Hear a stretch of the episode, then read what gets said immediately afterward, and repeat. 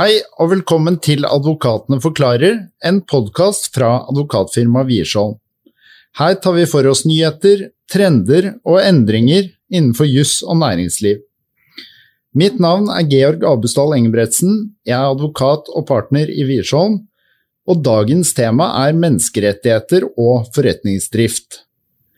Hvordan skal norske virksomheter i dag forholde seg til dette, herunder den såkalte åpenhetsloven som nå er på vei. Sammen med meg i studio for å belyse dette er kollega Erlend Meti. Erlend har bakgrunn fra Wiersholm mange år tilbake. Han har hatt en liten pause på noen år i Norges institusjon for menneskerettigheter, og er nå trygt tilbake i vårt compliance-team her i Wiersholm. Og Erlend, Eh, vi lærte jo på jussen at menneskerettigheter det er jo først og fremst noe som angår statens forhold til borgerne, og ikke borgerne og virksomhetene seg imellom. Absolutt, Georg. Det er jo det som på en måte er utgangspunktet. Menneskerettigheter gir rettigheter til meg og deg og alle andre borgere, speiler som plikter for staten. Og Det var utgangspunktet man tok da menneskerettighetene på en måte ble til som man kjenner dem i dag, i kjølvannet av andre verdenskrig. Eh, naturlig utgangspunkt. Man hadde sett hvor mye makt en stat kan ha over egne borgere, og hvordan denne makten da kan misbrukes på verst tenkelige måte. Og Da setter man da ned noen gjerdestolper for hvor langt en stat kan gå eh, i å bruke makt overfor egne borgere. Utviklinga siden 1945 er jo eh, kanskje den at makt har blitt flytta fra stater og i større grad til private, og kanskje mest av alt da, eh, selskaper. Og store multinasjonale selskaper. Så du tenker at dette er en konsekvens av at selskapene har fått økt makt og innflytelse i vårt internasjonale samfunn? Ja, så enkelt kan man nok si det. Og lenge har man jo tenkt det. Her kan man jo se for seg at man enten angriper dette som en stat ved hjelp av gulrot, eller ved hjelp av pisk. Eh, og da disse reglene som denne såkalte åpenhetsloven bygger på, eh, FNs veiledende prinsipper for næringslivet, OECDs retningslinjer, eh, kom til sånn for om lag ti år siden, da, så var egentlig gulrot veldig tankegangen. Men man ser kanskje en utvikling av at man i større grad bruker pisken, da, og at man får på plass mer eh, harde regler. Altså man går fra det man gjerne omtaler som soft law, retningslinjer, prinsipper, til at det blir implementert i nasjonal lovgivning. Ja, altså Sånn som jeg ser det, så er jo dette en del av en større trend. Dette med at virksomhetene pålegges plikter som tidligere påla myndighetene, det er noe vi ser på mange områder. Så Man kan jo f.eks. nevne hvitvaskingsregelverket, som jo har blitt aktualisert på en helt annen måte de siste årene, det bygger jo nettopp på det. Det bygger på at borgerne passer på hverandre og rapporterer til statene om dette arbeidet.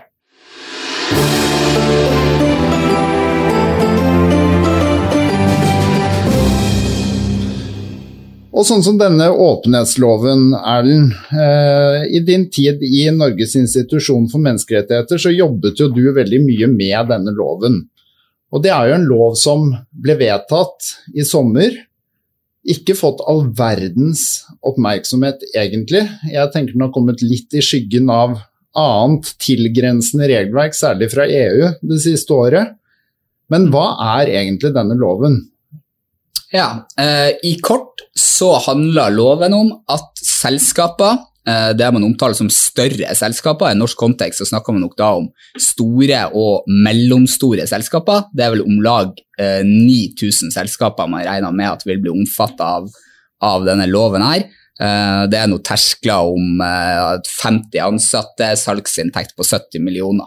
Eh, som gir en indikasjon. Eh, og at disse selskapene skal foreta det som kalles for human rights due diligence, eller aktsomhetsvurderinger. Ikke bare i sitt eget, eh, egen virksomhet skal man da prøve å liksom sjekke ok, hvor har vi et menneskerettslig fotavtrykk. hvor påvirker vi menneskerettighetene? hvor er det det kan være fare for at vi bryter menneskerettighetene? Det skal man både gjøre i egen virksomhet, men også nedover da, i leverandør- og verdikjeden sin. Uh, som kan være en ganske sånn kompleks øvelse. og Da skal man for det første kartlegge okay, hvilke risikoer har man. Eh, og så skal man da søke å iverksette tiltak da, for å adressere disse risikoene her, og prøve å reparere. Det er ikke sikkert at alt lar seg reparere hvis det er langt nede i kjeden, men da skal man bruke det som en sånn klassisk eh, begrep på dette området, leverage eller innflytelse, da, og søke og se ok, hva kan vi gjøre uh, for å adressere dette her. Og Det er en veldig sånn proporsjonalitetstankegang her. ok, uh, Er du et stort selskap, så forventes det mer av deg. Er du ikke et fullt så stort selskap, så forventes det ikke fullt så mye av deg. Er det en stor menneskerettsrisiko, så forventes det mye av at du prøver å adressere den. Er det mindre, så, så kan du kanskje ta det litt mer med ro i svingene. Uh, ja. det, det, som slår meg, er jo at det er ganske omfattende plikter som legges for virksomheten. og Du, du har nevnt to ganger nå at det, det dreier seg om store virksomheter. Uh, samtidig så er det 9000 uh, virksomheter i Norge som rammes. Da tenker jeg de er jo ikke, Det er jo ikke bare kjempestore virksomheter blant de 9000. Og, og, Du var jo litt inne på disse terskelverdiene, og, og det tenker jeg er en viktig ting å få frem. At dette er jo noe som treffer veldig mange virksomheter som egentlig ikke er veldig store. Det er helt riktig. Det er jo, terskelen her korresponderer jo for de som er bevandra i regnskapsloven. Eh, alle er jo kanskje heldigvis ikke det, eh, men den korresponderer jo da til de tersklene for de som ikke er små foretak.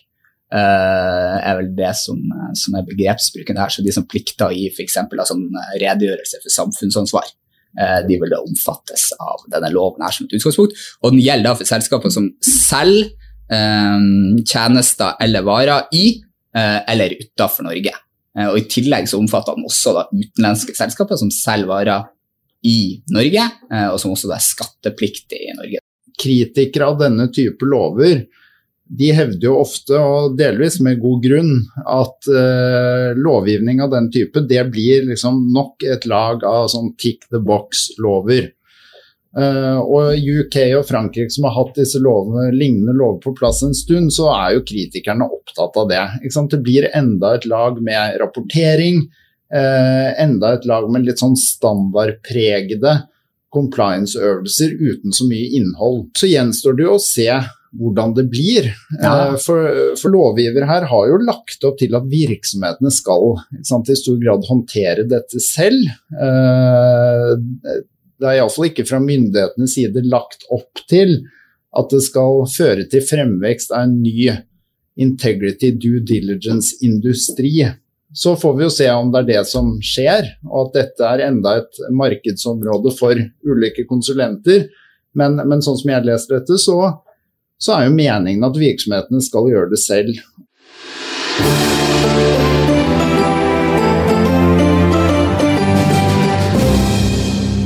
Dette med proporsjonalitet i tiltakene, det er jo et veldig jussete begrep.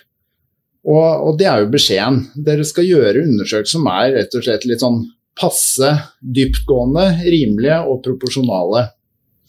Og hvordan er det? Hvordan tror du det kommer til å gå eh, for virksomhetene? Hvordan er det for dem å tolke det selv?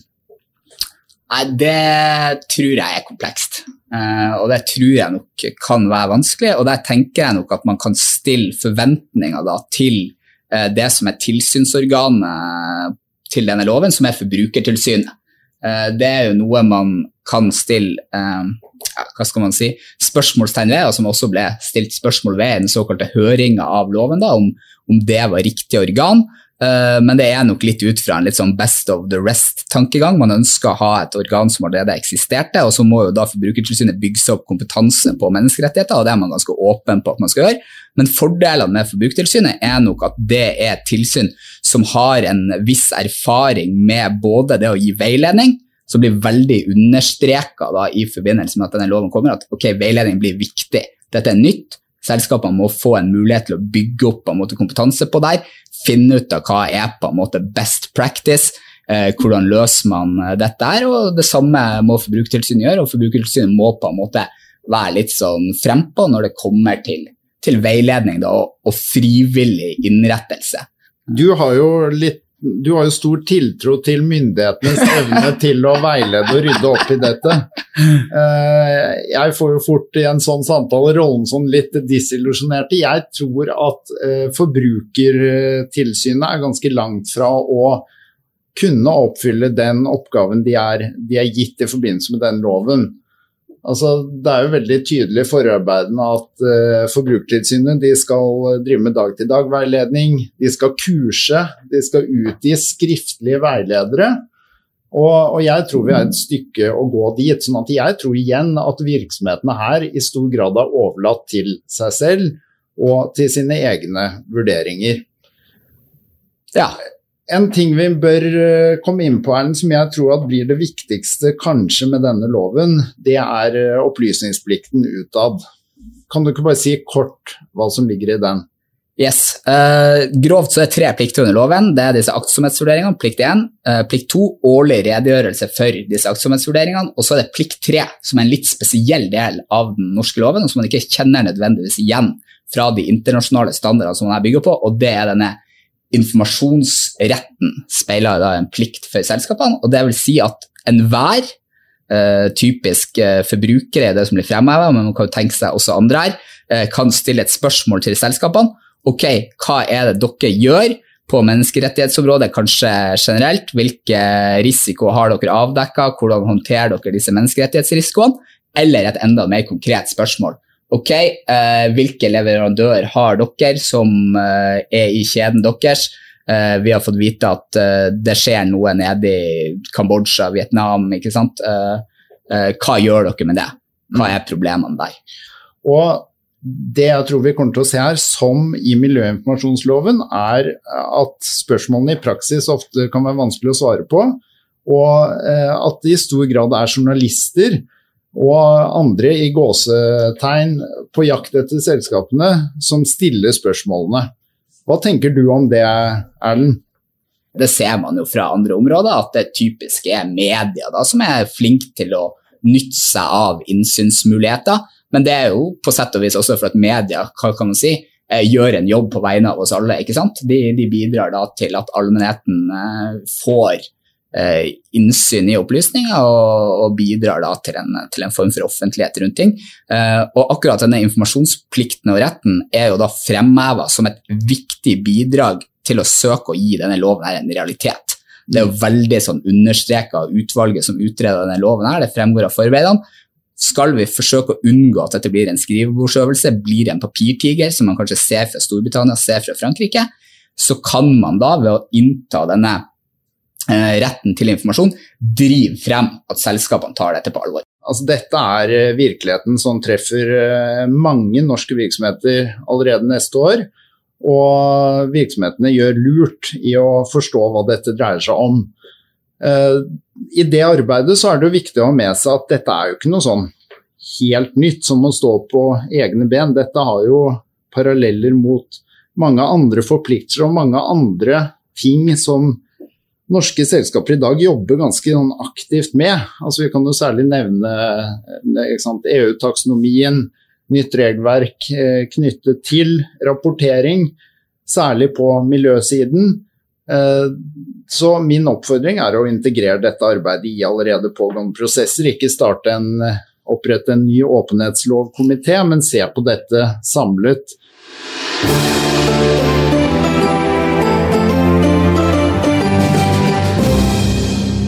Ikke stol på veiledninger ukritisk. Sett i gang dette arbeidet selv. Det er bedre å gjøre en litt dårlig vurdering enn ikke gjøre noen vurdering i det hele tatt. Jeg tror litt av nøkkelen ligger der. Absolutt. Absolutt. Det er nok hele nøkkelen at man skal få en oppmerksomhet på at dette arbeidet her er viktig. Formålet med loven er jo å sikre ivaretakelse og frem respekt for menneskerettigheter globalt på steder i verden der menneskerettighetene og dermed menneskers levekår står under et helt annet press enn hva vi opplever her i Norge. og Sånn sett er det et veldig godt formål. og Det viktigste er å få egentlig oppmerksomhet rundt dette her, og hva man kan bidra til. Og, altså, ingen kan gjøre alt, men alle kan gjøre noe. Og én ting er sikkert, det er at menneskerettigheter og næringslivet det er en symbiose som har kommet for å bli, og vi er veldig glad for å ha deg tilbake her også av den grunn, Erlend. Så da gjenstår det egentlig bare å si takk for at du hørte på Advokatene forklarer. Husk å abonnere på podkasten for å få med deg de kommende episodene. Vi høres!